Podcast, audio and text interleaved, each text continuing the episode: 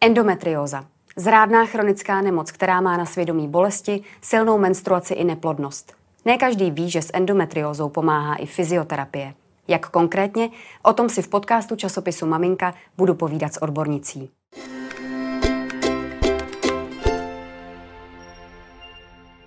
Naším hostem je fyzioterapeutka Vendula Johannes. Dobrý den. Dobrý den. Vy se specializujete na metodu Ludmily Mojžíšové a naše společné téma tohoto podcastu je endometrioza. Hodně nepříjemná chronická záležitost. Mě překvapilo, že podle České gynekologické a porodnické společnosti jí trpí každá desátá žena. Je to Přesně tak? tak? Ano, každá desátá žena, upřesnila bych ještě v reprodukčním věku, trpí touhle zákeřnou nemocí. A ten počet se samozřejmě zvyšuje. Čím to je, že se zvyšuje a že je vůbec takhle vysoký?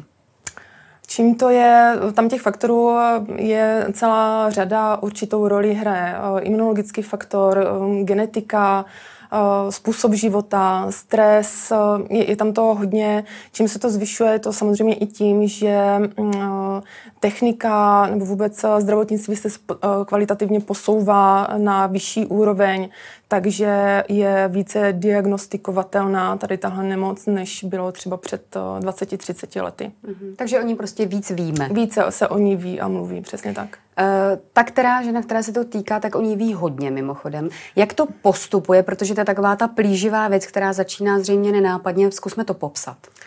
Uh, symptomy té endometriózy bych vypíchla asi takových pět nejdůležitějších, nejčastějších.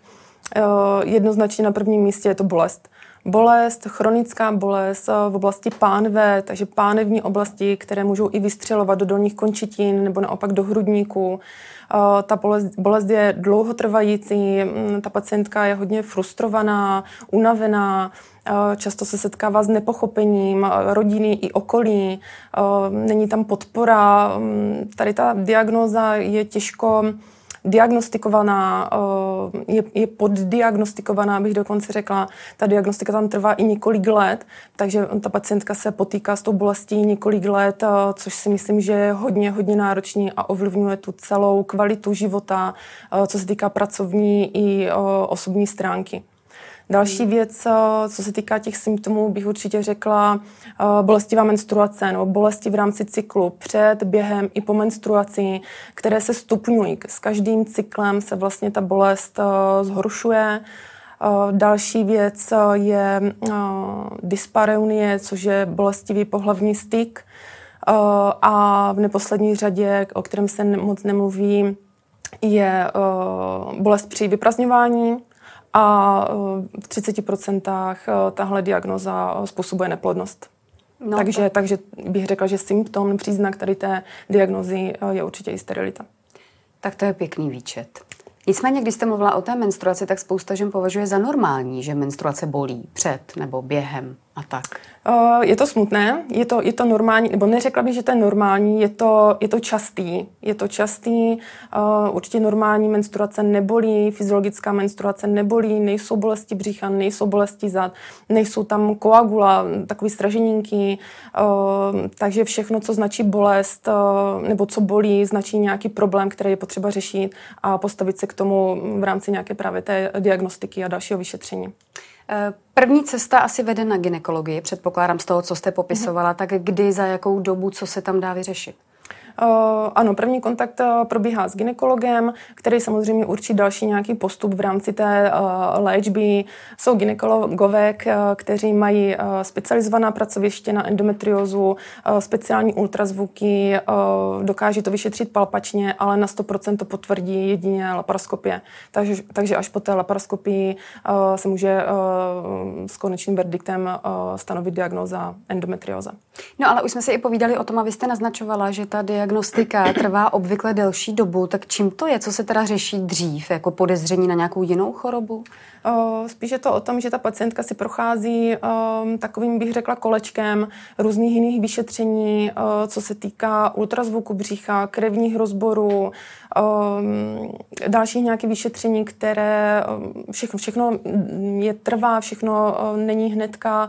Samozřejmě ty, postupně ty bolesti se zhoršují, ta pacientka je nedočkavá, neví se, co vlastně je za problém, jak, jak to uchopit. A tady v té fázi bych právě doporučila fyzioterapii, konkrétně třeba metodu Ludmy Možíšové na uvolnění právě těch spazmů, těch bolestí, uvolnit ty křeče, aby to fungovalo, jak má a vydrželo se případně do té operace nebo na nějakého radikálnějšího řešení. Než se dostaneme k tomu, jak to řešit, čím to je vlastně způsobené, co se děje v těle, kde je endometrioza. My jsme mluvili o, o tom, eh, jaké jsou ty projevy, ale příčiny a tak jsme neprobrali. Endometrioza je uh, autoimunní gynekologické onemocnění, které se um, vyznačuje tím, že děložní sliznice, nebo respektive částečky děložní sliznice, takzvané endometrium, se nachází mimo dělohu.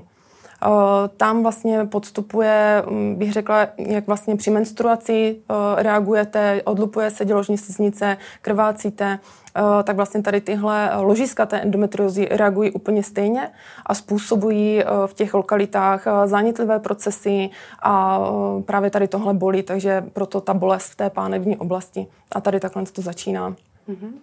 Ty ložiska potom můžou jít i do jiných orgánů v těle, nemusí to být čistě jenom právě té, v té malé pánvi, ale můžou se objevit eh, na pobřišnici, v močovém měchýři, eh, na střevech, ve střevech, v rektovaginálním septu, v podstatě kdekoliv, kromě srdce a sleziny. Mhm, no tak to nezní teda vůbec dobře. Pojďme to řešit. Eh, k vám do ordinace, třeba fyzioterapeuta.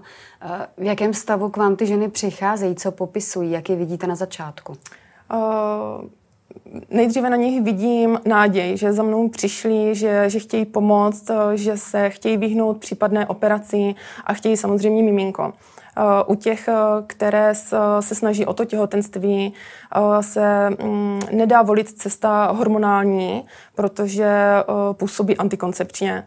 Takže se tam právě řeší buď to radikálnější, a to je operace, anebo ta, ta fyzioterapie. Takže se upínají nejdříve, že chtějí vyzkoušet tu fyzioterapii, kdy vlastně mm, v rámci toho cvičení, cvičební jednotky, kterou si spolu projdeme, eh, doporučím eh, nějaký další podpůrný eh, preparáty, doporučím, jak aktivovat nebo deaktivovat práci se svalma právě pánevního dna, aby to v té malé pánvi bylo v tom optimálním nastavení. Doporučí se relaxační procedury, relaxační techniky, masáže, sauny, výřivky, spíš spíš uh, něco na podobné bázi, než uh, to tam jako aktivně, aby ty svaly a ty vazy byly pořád staženy, takže se spíš snaží to uvolňovat. Mm-hmm. Co ty ženy popisují a kdy to poprvé zabere a ta na- naděje, o které jste mluvila, začne nabývat konkrétních rozměrů, že se ten problém nějak posune a vyřeší? Samozřejmě záleží na tom, jak si ta pacientka bude pocvičovat a jak často chodí uh, na ty terapie, ale v průměru bych řekla uh, do pár týdnů uh, vidí na sobě ty výsledky a vidí je hlavně na té, na té menstruaci, že už ta menstruace tolik nebolí, nemusí si vzít nějaký analgetika a jsou schopní běžného fungování.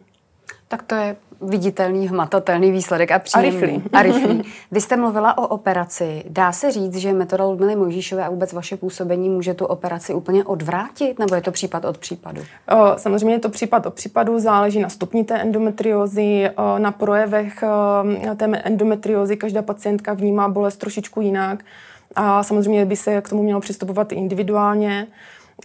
Ale už se mi v, za svou praxi stalo několikrát, že e, vlastně pacientka e, na plánovanou operaci nemusela e, tím, že vlastně bolesti neměla nebo se ty projevy té endometriozy natolik vlastně zlepšily, že nebylo potřeba zasahovat tou operaci tak radikálně. Zaspomínejte na nějaký konkrétní případ endometriozy, kterou jste pomohla vyřešit u vás. Vzpomínám, ale první, co mi napadlo, co bych asi zmínila, tak sebe, sama jsem si tady touhle uh, nemoci prošla, takže, takže bohužel vím, uh, o čem to je a co všechno způsobuje tady tahle diagnóza, jak to ovlivňuje tu kvalitu uh, ve všech směrech. A mě právě pomohlo um, bych řekla hodně ta, i ta psychosomatika, změna myšlení, že ze dne na den prostě jsem si řekla, že takhle, takhle to není ta pravá cesta, a začala jsem to právě řešit jinak. Začala jsem chodit na, na rehabilitace, zkoušela jsem tu Mojžíšovku, eh, k tomu samozřejmě nějaké ty relaxační věci, pořešila jsem si střevní mikrobiom, protože eh, endometrióza, jak už jsem řekla, je autoimunní onemocnění a imunita vzniká ve střevech. což vlastně, když si pořešíme, zlepšíme ten střevní mikrobiom, tak můžeme nepřímo pozitivně ovlivnit i tu endometriózu. To je Takže určitě propojené v mhm. celém těle teda. Takže všechno, vy, všechno souvisí se vším. Vy jste kovářová kobla, která není bos a tím tak, pádem můžete bohužel. to, že nám určitě předat. Bohužel, a to je asi taky hodně důležité navázat ten vztah. Přesně tak, myslím si, že i to, že mě to právě, že s tím mám zkušenosti, tak uh, dokážu se eh, nacítit na tu, uh, na tu pacientku, uh, vím, nebo si myslím, co, co bych chtěla slyšet a když uh, právě ten zdravotník uh, nebo nějaký člověk, který dělá nějakou metodu, uh, si vlastně prošel něčím podobným, tak uh, dokáže toho druhého nejvíce pochopit. Myslím si, že nikdo nedokáže pochopit uh, tu, tu pacientku víc, než ten člověk, který si vlastně prošel tím stejným, tím, tím samým. Ať už se jedná o endometriózu, neplodnost nebo cokoliv jiného. Eh, zmínila jste neplodnost Mendulo. Velké téma je těhotenství a endometrioza. Já si tak matně jako like pamatuju, že žena, která má endometriozu, že se jí doporučovalo rychle otěhotnět, nebo jak to je? Uveďme to na pravou míru.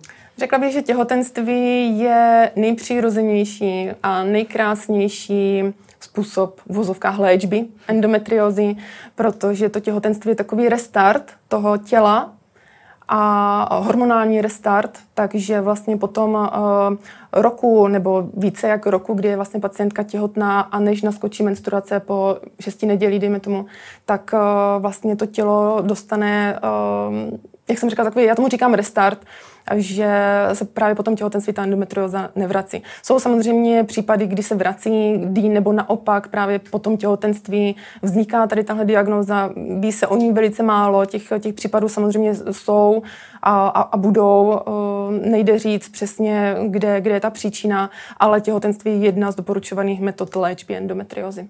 Objevuje se endometrioza i u žen, které jsou po dětech takzvaně? Ano, ano. Je to i vlivem porodu, že se právě ty eh, částečky toho endometria dostanou právě do té, do té děložní dutiny, eh, kde podléhají procesům, které jsme už zmínili. Takže ano, může, může i právě po tom těhotenství, ať už je to přirozeným porodem, nebo i císařským řezem, samozřejmě o to víc, eh, se stát, že se tady tahle diagnoza diagnostikuje i po po, po těhotenství. Vy těch žen vidíte spoustu, projdou vám rukama doslova v ordinaci. Dá se říct, koho to spíše potká, když je to každá desátá žena? Ať už mluvíme o věku, o životním stylu, o přidružených dalších nemocech, nebo se nedá říct? Myslím si, že se to úplně uh, nedá takhle charakterizovat. Uh, řekla bych, že nejčastěji, uh, co za mnou chodí pacientky s touhle diagnózou, bych řekla, je kolem 30 let. Takže ano, tady tahle diagnóza se udiagnostikuje u žen v reprodukčním věku. To znamená, mi tomu od nějakých uh, 13-14 let po vlastně ženu, která si prochází menopauzou. Takže tady v tomto věku reprodukčním kdykoliv, ale v tom průměru je to kolem 30 let. Jestli to jsou ženy ambiciozní, nebo kde je hodně stresu, nebo uh, samozřejmě i ta genetika, tam hraje víc roli, nebo víc faktorů roli, nejde říct na tu konkrétní pacientku vlastně um, nic jakože konkrétního, čemu bych, jako, aby se ta pacientka tomu nějak vyhnula. To, jsem, to byla moje další otázka. Jestli existuje nějaká jakákoliv prevence, ať už to je v životním stylu, v doplňcích stravy, v čajích, v čemkoliv, co by vás mohlo napadnout? Prevence tady tohle, k této metodě neexistuje, bych řekla, ale spíš tady to všechno, co jste zmínila, ty čaje, bylinky, i to cvičení se právě řeší, eh, léčí se tady ta endometrioza, co se týká eh, těch symptomů. Takže určitě bych tady tohle doplnila eh, k té samotné léčbě endometriózy právě i tyhle preparáty. Doplňky, bylinky, ty vaginální napářky a podobně. A asi tady v tom půjde hodně o čas, eh, protože jsme mluvili o tom, že to je chronická, plíživá, dlouhotrvající věc, tak asi mě napadá, čím dřív, tím líp. Přesně tak, protože vlastně každým cyklem menstruačním se ta, se ta endometrioza zhoršuje, protože ty ložiska v té břišní dutině se zvětšují, podléhají tam víc tím zánětlivým procesům a je to vlastně pořád, pořád dokola. Takže ano, čím dřív se začne, tím líp. Proto bohužel, když ta diagnostika trvá tak dlouho, v řádu i několik let, tak uh, pak se právě dochází spíš k těm radikálnějším uh, operacím, uh, protože už potom ty třeba ty bylinky nemají takový účinek, takovou sílu, aby tu ženu uzdravili. No ale napadá mě, že už i pokud bych měla tu bolestivou menstruaci, kterou teď už víme, že není úplně běžná, že by se to mělo řešit, mohu za vámi přijít i tak, bez toho, že mám papír endometrioza v úvozovkách. můžete, samozřejmě bolestivou menstruaci nespůsobuje jenom endometrioza, tam těch příčin může být víc, takže kdykoliv samozřejmě na tu fyzioterapii můžete přijít, i když nemáte tu endometriozu diagnostikovanou. Popřejme všem ženám, aby přišli včas všude, kam potřebují, aby se ty problémy vyřešily, nebyly vleklé a takhle nepříjemné. Aby to neodkládali, přesně tak. A když už, tak ví, za kým jít. Ano, děkuji. Já děkuji Vendule Johannes a těším se na nějaké další setkání. Já taky děkuji Díky. moc.